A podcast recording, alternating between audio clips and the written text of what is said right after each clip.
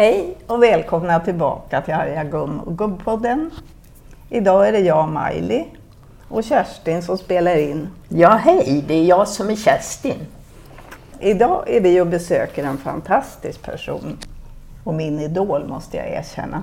Ja, nu Miley, nu tycker jag att det är dags att presentera Barbro Ja, Westerholm. tack. Du är välkommen. Tack. Eh, Och tack för att vi fick lov att komma till ditt fina tjänsterum. Tack. Ja. Och det är kul att få träffa dig. Du är en av mina stora idoler. Och jag tycker det är spännande att få träffa er och höra era frågor. Ja. För att alltid när jag möter människor får jag frågor som jag inte har fått förut. Ja, men du har drivit många svåra frågor. Ja. Vilka frågor driver du nu? Och nu är det framför allt frågor kring årsrika. Jag använder årsrik som synonym till äldre. Eh, därför att eh, i synonymordböckerna så hittar man bara tråkiga synonymer till äldre. Det är gammal, det är vissnad, det är bräcklig, det är mossig, det är senil och så vidare. Och när jag var ordförande för SPF Seniorerna då sa vi vi måste hitta några positiva synonymer. Och då var det en medarbetare, som, eh, en medlem som kom och sa vi ska kalla oss för årsrika. För vi är rika på antal levda år, vi är rika på kunskap och så är vi rika på något som man bara kan leva sig till. Det är livserfarenhet. Så att jag använder ordet årsrik. Aldrig hört ordet. Nej, Nej. nej. Kerstin, ska vi inte börja använda det där? Ja, varför inte? Det låter ju ganska... Det säger, det säger mycket. Ja. Jag försöker att få in det i akademins ordlista. Jaha. Men eh, de, säger det används inte tillräckligt ofta. Så att det- det som kommer in, det är ord som ungdomar använder. Ja. Jag tror att de har använt det någon gång på vårt SPF, men det var väl ingen som anammade det. Nej. Men, men ju mer det används, eh, desto större är chansen att det kommer in. Ja. Du sysslar väl ganska mycket också med det här med ålder, ålderism. Ja, det gör jag därför att det här... Vad lägger du in i det ordet? Ja, det är alltså en negativ syn på människor som har eh, upplevt många år. Och eh, med eh, konsekvensen åldersdiskriminering. Att man inte har samma förmåner, möjligheter i samhället som, som yngre personer har. Och det var faktiskt så att för ett år sedan så gick eh, Världshälsoorganisationen ut på första oktober, som är den internationella äldredagen, och sa att från och med nu så ska vi driva kampanj mot ålderism, mot åldersdiskriminering. Och varför vaknade de? Jo, de hade gjort en studie i 58 länder och det var över 90 000 man intervjuade om attityder till årsrika personer, till äldre personer. Och då visade det sig att attityderna eh, de, var mest negativa i välfärdsländerna, välståndsländerna. Sverige hörde till ett av de länder där man var mest eh, negativ, eh, alltså minst respektfull gentemot människor som har levt ett antal år. Och, eh, och det här går långt ner i åldrarna. Det kom nyligen en artikel av två eh, docenter i ekonomi som visade att redan i 40-årsåldern börjar man välja bort människor eh, från arbetslivet. 40 år, alltså då har man bara hunnit vara i Ja. arbetslivet 10 eller 15 år Ja. Med dagens långa studier. Och eh, det- det här är ju, eh, människor med livserfarenhet är ju en väldigt viktig tillgång i samhället. ja, visst. Jag har inte listan på vilka som låg i topp, men om vi tar Kina och Japan så är det ju eh, en helt annan syn på årsrika människor där. Och ska man göra affärer med de länderna, då ska erfarna människor vara med i de förhandlingarna. Och det är också så som jag har sett när jag har varit i Världshälsoorganisationen.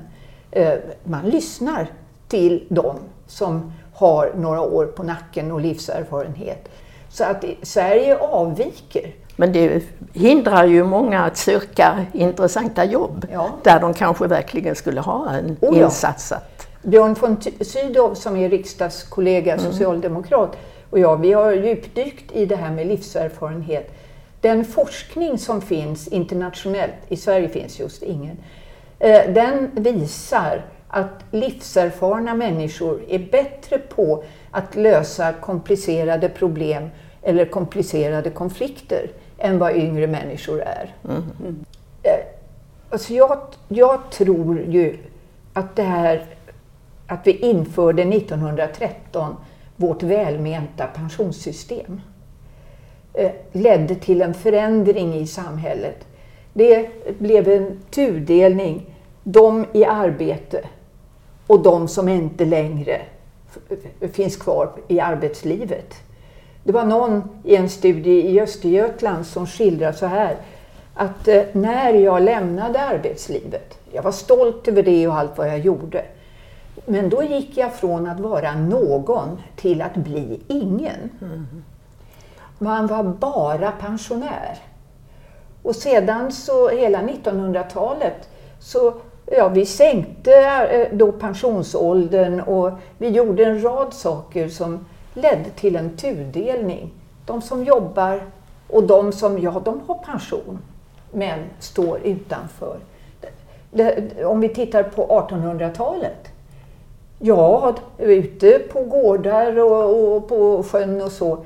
Man jobbade ju så länge man orkade. Och när man inte orkade arbeta ute på fälten och i skogen och på havet, ja då tog man över inomhussysslor. Man tog hand om barnbarna. Man, man, man blev deras utbildning i, i långa stycken. Så det var ju först när man inte kli, orkade kliva ur sängen längre som man så att säga var utanför att känna sig behövd. man hade ett mycket rikare liv på äldre Ja. dagar. Ja, det var inte säkert särskilt lätt. Och hamnade man i undantagsstugan och ändå hade krav på sig att jobba fullt ut så var det inte roligt alltid. Nej. Men, men man var behövd.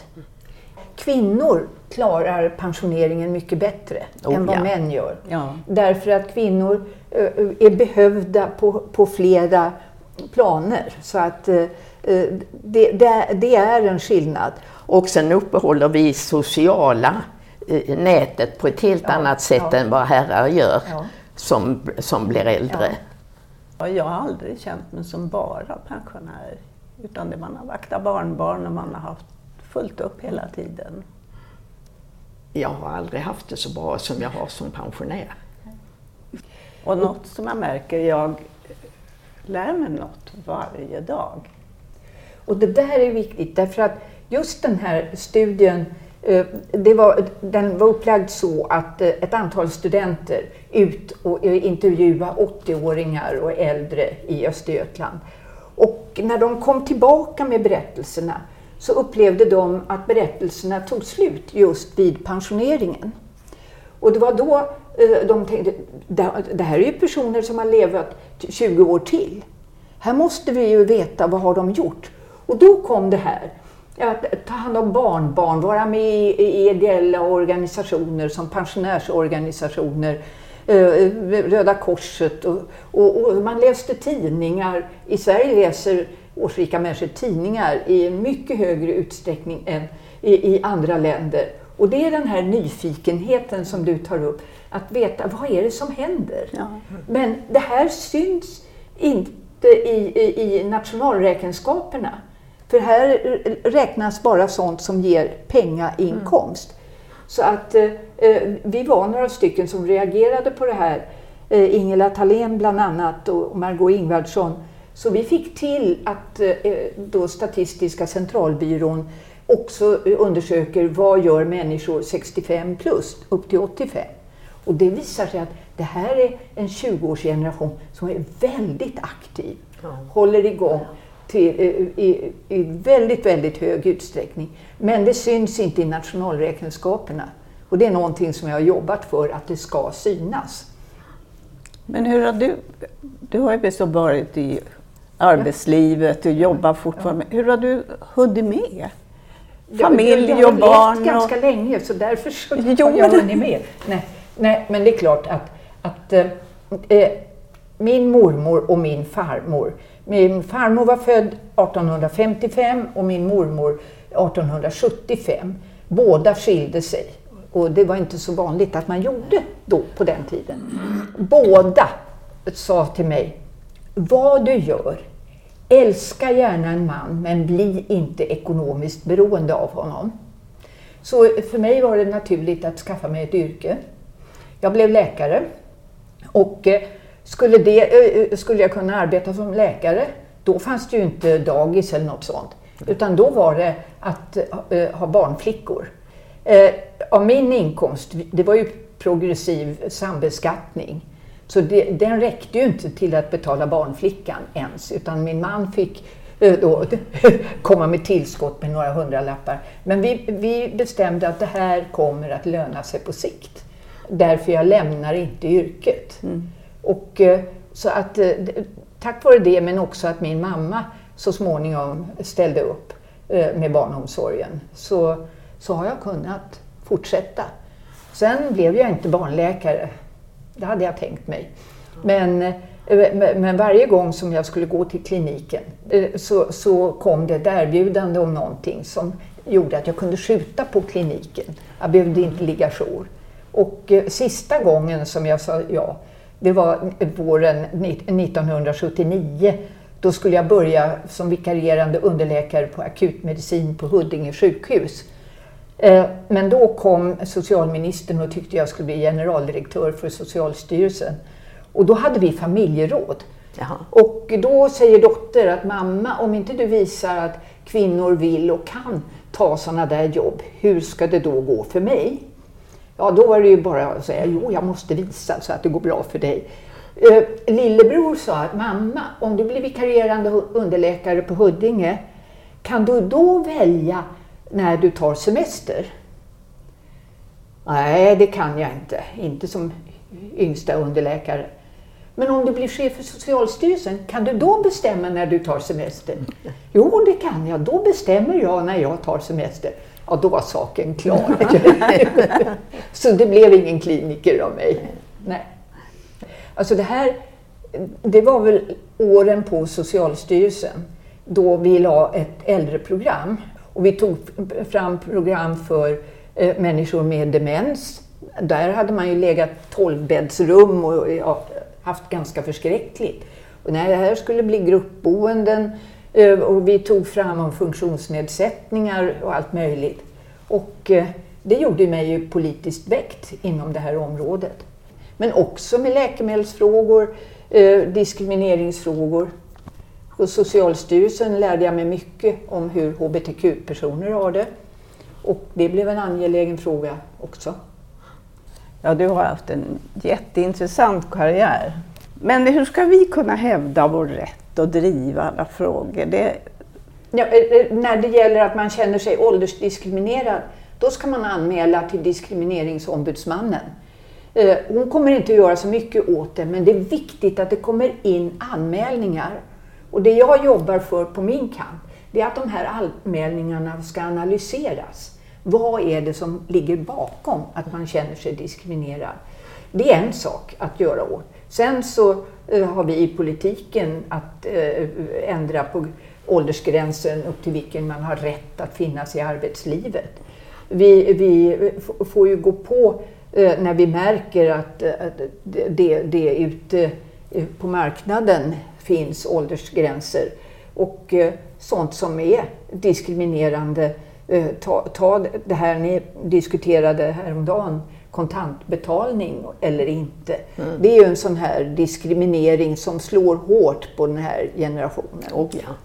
Man får ju inte ens en gång lån i banken nej, om man är nej, pensionär. Nej. Det här var ju någonting som Eh, pensionärsorganisationen SPF Seniorerna eh, Eh, började ta i omkring år 2000 eh, började, eh, var då nya medlemmar i något som heter Age Platform Europe, en äldreorganisation för pensionärs och äldreorganisationer inom EU. Och då började vi plocka exempel, eller hitta exempel på När blir människor åldersdiskriminerade? Ja, i hälso och sjukvården fanns det åldersgränser för vilka behandlingar man skulle få. Och sen så hittar vi sånt där att eh, människor med funktionsnedsättningar som behöver bilen för sitt jobb, de kunde få bilstöd upp till 65. Men om man ville arbeta längre, i, nej, nej.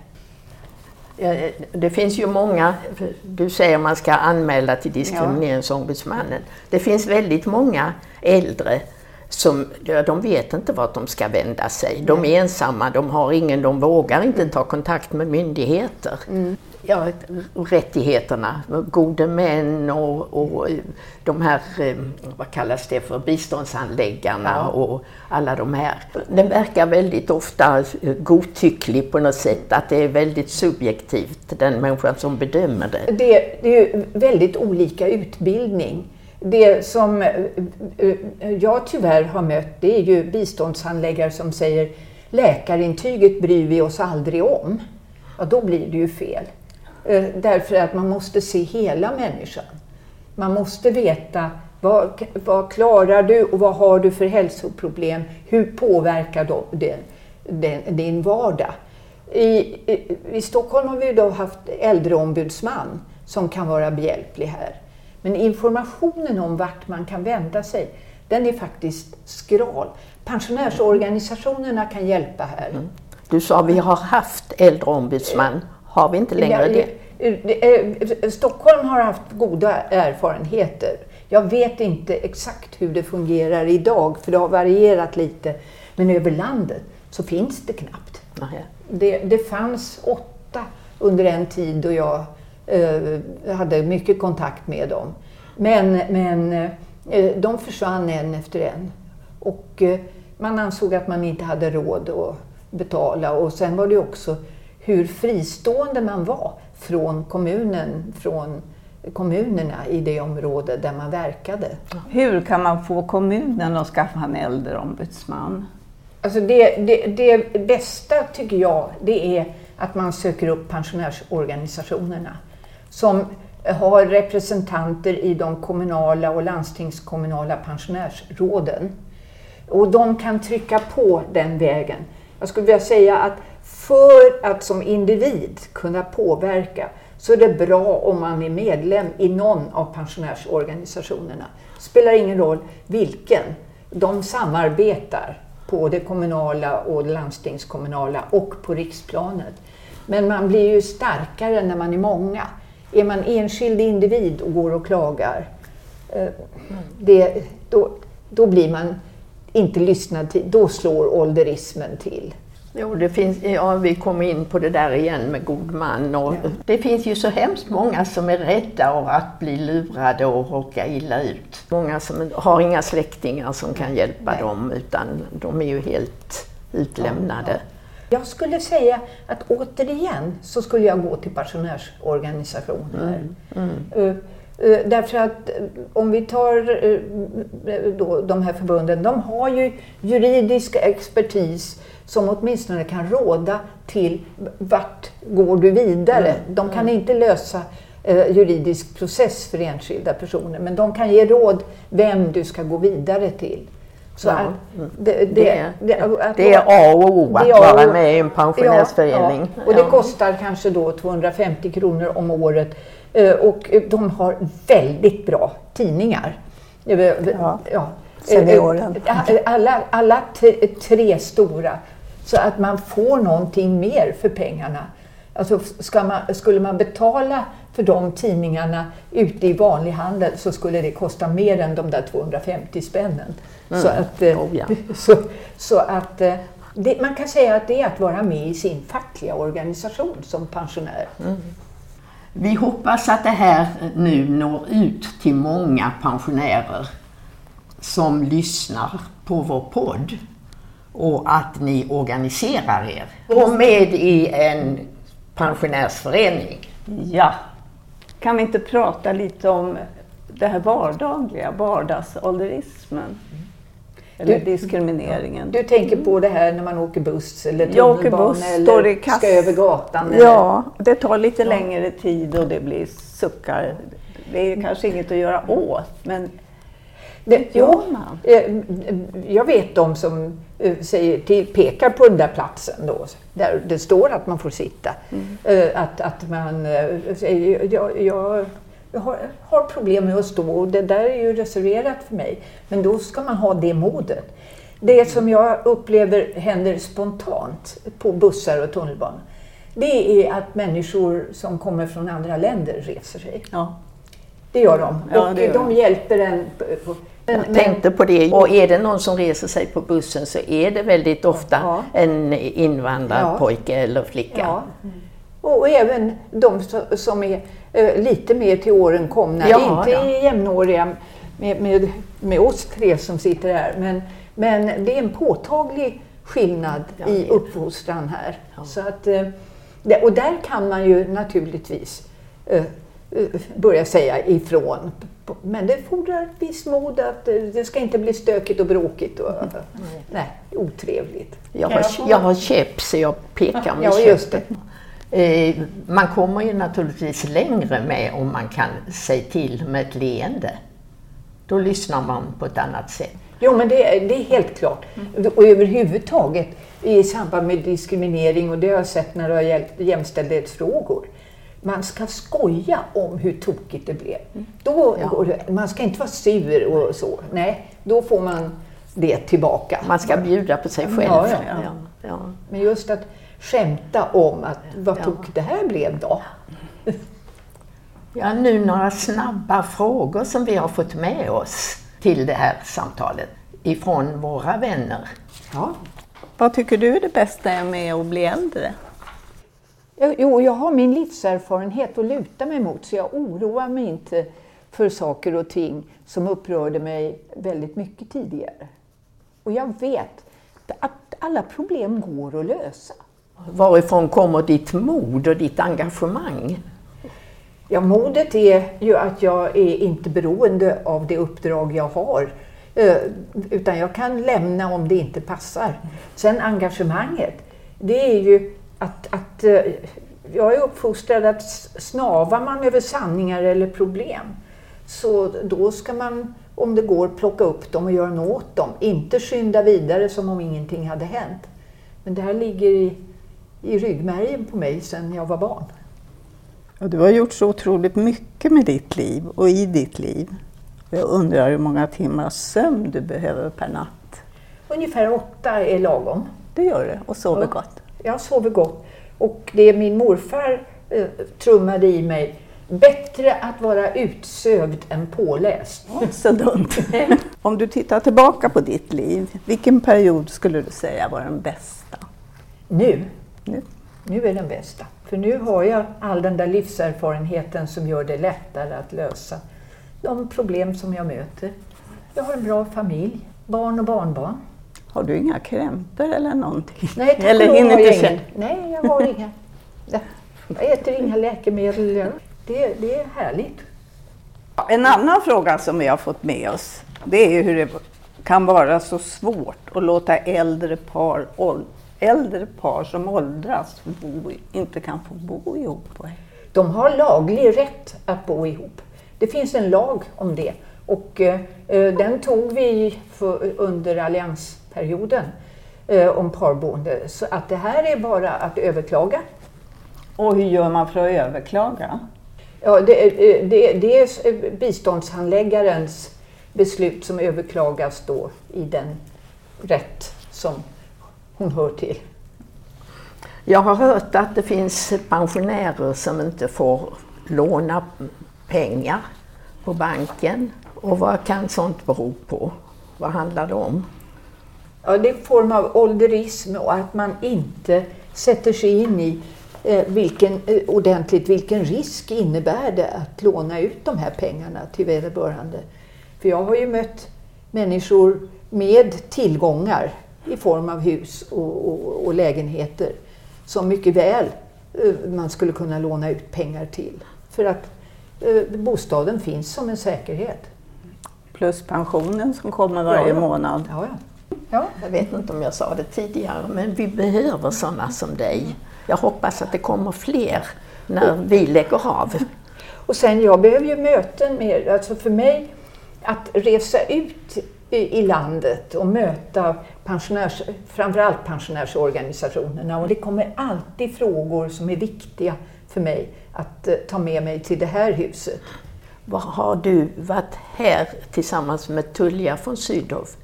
Tullia von Sydow betydde mycket för mig på Socialstyrelsen. Ja. För hon var ju en av de verkliga motorerna när det gällde äldrefrågor. Och sedan så mötte jag henne eh, när hon arbetade på Kungsholmen, eh, mycket med äldrefrågor och våld och övergrepp mot äldre. Sen kom hon till riksdagen och då mötte jag henne i, i en del sammanhang, måste erkännas, att de inte lyssnade tillräckligt på henne. Det fanns en ålderism där. Jag träffade henne här eh, i juni eh, på det äldreboende där hon bor. Och eh, jag menar, hon, hon är en bra bit över 90 och eh, hon är nyfiken på morgondagen, hon läser tidningarna. Det är väldigt roligt att diskutera med henne. Helt fantastiskt. En annan sak som du har sysslat med så är det ju det där med aktiv dödshjälp. Ja. Ja.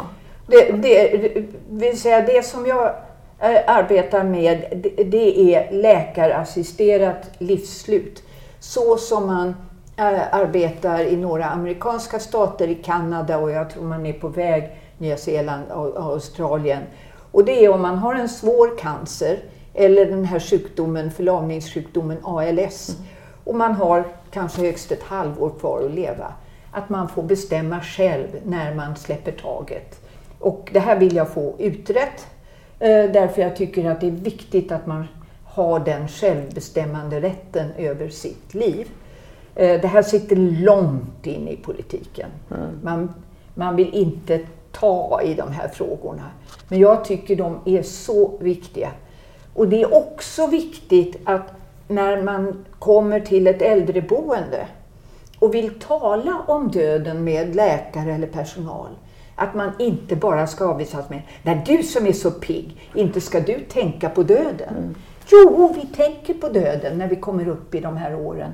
Vi vill eh, veta hur den här sista biten av livsresan kan bli.